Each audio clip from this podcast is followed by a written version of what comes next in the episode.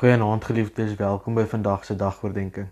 Ek vertrou dit gaan goed met u elkeen en dat u ook nou rustig is en uitsien om saam die woord van die Here aan te hoor in sy teenwoordigheid. Kom ons bid saam. Here Jesus, dankie dat ons net U kan kom erken as God en Here van ons lewe. So in ons stil word voordat ons saam met U woord gaan lees.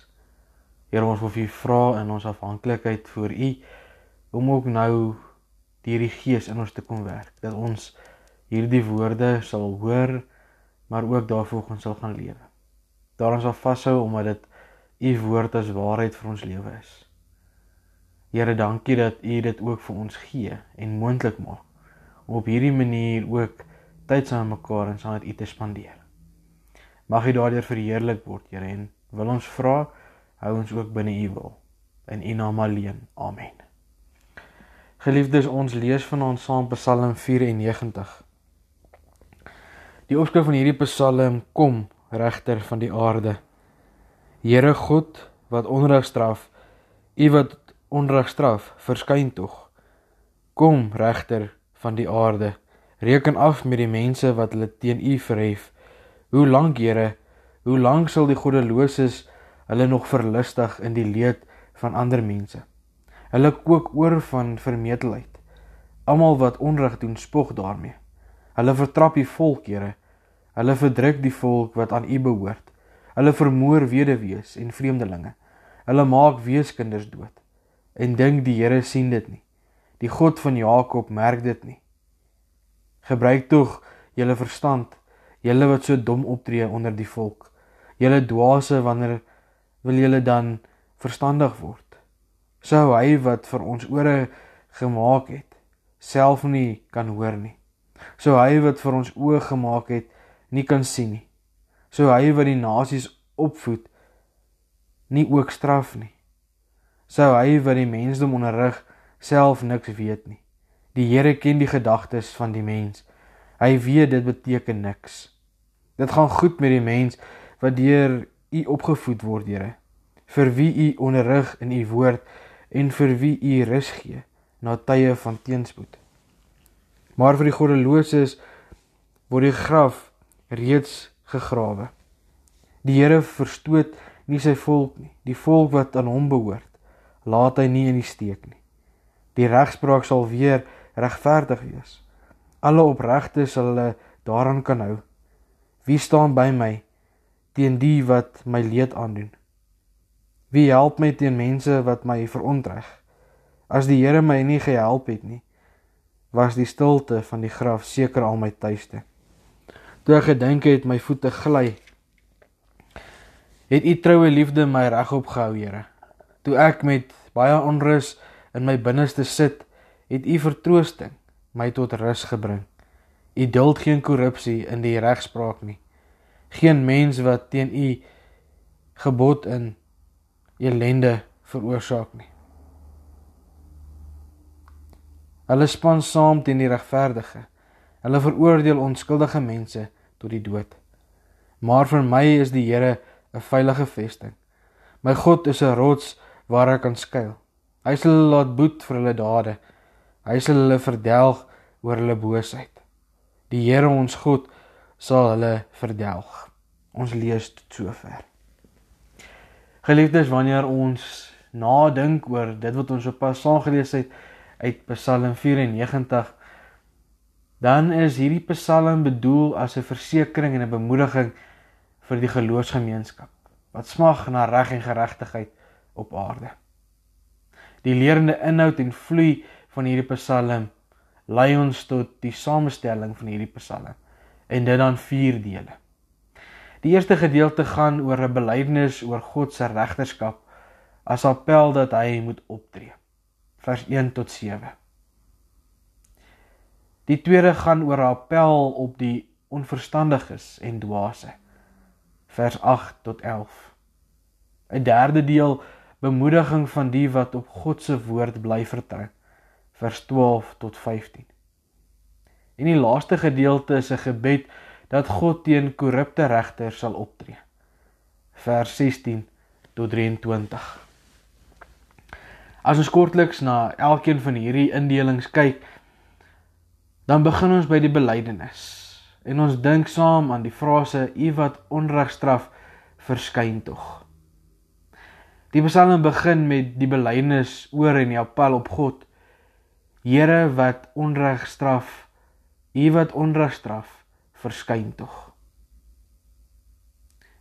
Daarin lê die boodskap en krag van die Psalm.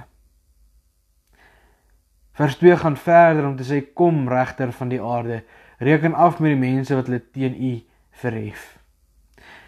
Die Psalmis gebruik hier 'n baie belangrike titel vir God wat sy reg oor almal op die aarde beskryf.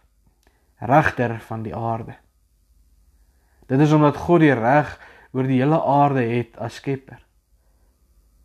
Dat hy vir die handhawing van reg oor die hele aarde gevra word. Daarom maak die gebed sin om staat te maak op die uitvoering van God se regskappy oor alles. Daarom is die Psalm ook gemik teen die mense wat God se reg ontken, die wat hulle teen hom verhef, die wat hulle verlekker in die leed van ander mense, die wat oorkook van vermetelheid deurdat hulle spog met die onreg wat hulle uitleef. En dan lees die psalmis die mense wat deur hierdie onreg getref word. Weduwees, vreemdelinge en weeskinders. Die geringstes onder die geloofsgemeenskap en samelewing. Maar geliefdes, dan moet ons ook raak sien dat die weerloses in die gemeenskap juis die is wat hier uitgelig en genoem word. Die wat hulle versorgingsstelsel verloor het. Weduwees en weeskinders. Of die wat inkommers is en sukkel om deel te word van die gemeenskap, die vreemdelinge. Ons moet ook raak sien dat die solidariteit na beide kante toe kom. Die weerloses skaar hulle by die volk van God en die psalmis reken hulle as deel van die volk van God. Hulle is deel van God se erfdeel. Iets om in gedagte te hou. Maar dan vers 7 wat vir ons sê en ek lees dit weer vir ons. En dink die Here sien dit nie. Die God van Jakob merk dit nie. Geliefdes, ons moenie dink dat die Here nie sien hoe ons optree teenoor hierdie weerloses nie. Hy ken en weet van alles.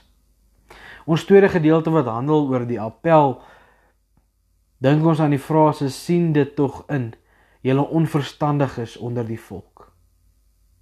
Hier sien ons dat die goddeloses en die onverstandiges deel van die godsvolk is. Daarom kan die Psalm ook aan hulle gerig word. Hulle word as onverstandig en dwaas geken omdat hulle twee goed van God nie verstaan nie. Die eerste is dat God hulle gemaak het. Hulle ore, hulle oë, hulle gedagtes. Hy weet aan die een kant daarom op 'n intieme wyse presies hoe hulle is en wat hulle hoor, sien en dink. In 'n sekere sin beteken die gedagtes nie veel nie. Want die Here weet dit beteken niks nie. Maar dit beteken aan die ander kant ook baie omdat God self kan sien, hoor en dink. Asof dit juis belangrik en noodsaaklik is. Die tweede is God is die hele tyd betrokke by mense. En dan is dit reg oor die wêreld, in elke nasie. En as ons dan vra hoe, dan is dit om mense op te voed, te onderrig en kennis mee te deel. Soos ons raak sien in vers 4 ag in Psalm 94. Ons derde deel wat gaan oor die bemoediging. Dink ons in die frase hoe gelukkig is die mens vir wie u teregwys, Here. Die Psalm is rig om nou op mense wat bereid is om te luister na wat hy sê die wat hulle deur God wil laat opvoed. Die onderrig kom uit die woord. Sulke mense sal nie net gelukkig wees nie, maar ook rus kry na tye van teenspoed. as die Here optree teen die goddeloos. Die een wat goddeloos opgetree het teenoor die een wat daardeur deur geloop het. 'n Wonderlike belofte van die Here om aan vas te hou in tye van teenspoed. Die Here sal sy volk nie in die steek laat nie. Daarop kan die volk vertrou. Ons dink wie hier na oor vers 14 en 15 as daar staan die Here verstoot nie sy volk nie. Die volk wat aan hom behoort, laat hy nie in die steek nie. Die regspraak sal weer regverdig wees. Alle opregtes sal hulle daaraan kan hou. Geliefdes, dan kom ons by die derde gedeelte wat gaan oor gebed of die vierde die laaste gedeelte wat gaan oor gebed. En hier kom dink ons aan die Here ons God wat die korrupte regter sal vernietig. Na die intieme aanspraak en aanspreek van die onverstandiges en die wat bemoedig word omdat hulle opreg is kom die psalmis op 'n plek waar onreg die meeste na vore kom. Die korrupsie van die wat verantwoordelik is vir die regspraak, die regters. Hy noem dit die setel van vernietiging. Mense wat God se duidelike uitsprake in sy wet of dan sy woord skade aandoen. Hy gou vra die retoriese vraag in vers 16: Wie staan by my teen die wat my leed aandoen? En dan kom antwoord hy met die getuienis dat dit uiteindelik net God self is wat kan en sal help. Anders was die stilte van die graf immers lankal reeds sy tuiste. Dit was juis toe hy gedink het dat sy voete gegly het. Dat die Here sy troue liefde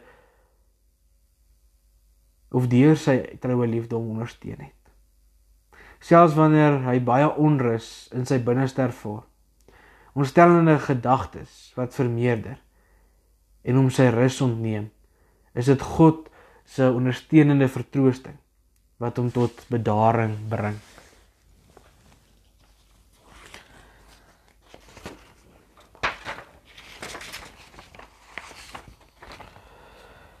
Die Here kom en hy kom duld nie hierdie optrede van korrupsie in die regspraak nie. Hy wil nie hê dat enige iemand elende aangedoen moet word nie. Daarom is hy self 'n toevlug, 'n veilige vesting, 'n rots by wie gelowiges kan kom skuilings soek, maar dit ook kan kom vind. Hy is die een die onreg wat die onregverdiges laat boet vir hulle onregverdige dade wat hulle sal verdelg oor hulle boosheid. Hulle sal val deur hulle eie toedoen. Daarom geliefdes kan ons die boodskap van hierdie Psalm kortliks kom saamvat om te sê die Psalm lei ons tot groot rus in ons gemoed. Net soos God die reg in die hele handhaaf, so doen hy dit ook op aarde. Ons mag dus die gebed van die onsse Vader bid. Laat U wil geskied soos in die hemel, so ook op die aarde. En ons mag God vertrou dat hy dit in 'n spesifieke saak sal doen. En hoe die regspraak ook uitgeoefen word. Geliefdes, daarom mag ons vashou aan hierdie vier woorde waarvan die Psalm ingedeel is. Wat begin met die belydenis maar ook verder gaan met 'n appel. Mag ons ook aansluiting vind by die bemoediging maar volhard in die gebed tot uitkoms want ons weet God is die een wat onreg straf en ons kan op hom vertrou om ook daarin te kom verskyn kom ons bid saam Here Jesus, dankie dat ons vanuit Psalm 94 net weer eens kon bewus word van u hand oor die hele skepping. Here, dat u reg en geregtigheid sal laat heers. Al kom korrup korrupsie, Here. Al kom mense met hulle eie agendas, hulle eie oortuigings wat onreg vir u mense in. Dankie dat ons by u 'n veilige vesting, 'n veilige rots en skuilplek kan vind waarop ons staande sal bly. Here help ons om u juis in hierdie omstandighede te kom soek en nie homself raak te neem of self te wil ingryp nie maar ons afhanklikheid vir u te kom erken en u te vertrou om self namens ons reg te laat geskied. Here mag ons met verwagting uitsien na u ingrype. Here, waar hierdie woorde van Psalm 94 in ons gedagtes draai, vra ons vir u om met ons besig te bly deur die Heilige Gees in die aand wat voorlê. Mag ons u woord oordink en dit ons eie maak. Maar mag dit ook vir ons 'n baie spesifieke rus bring omdat ons weet u is in beheer. En niks of niemand kan dit verander nie. Here kom ons vas in die liefde. Beskerm bewaar ons. Ons kom dankie vir u genade en u seën wat u oorvloedig deur die grootheid aan ons bewys elke dag. In u naam bid ons dit. Amen. Geliefdes, 'n geseënde aand vir u groete by die huis.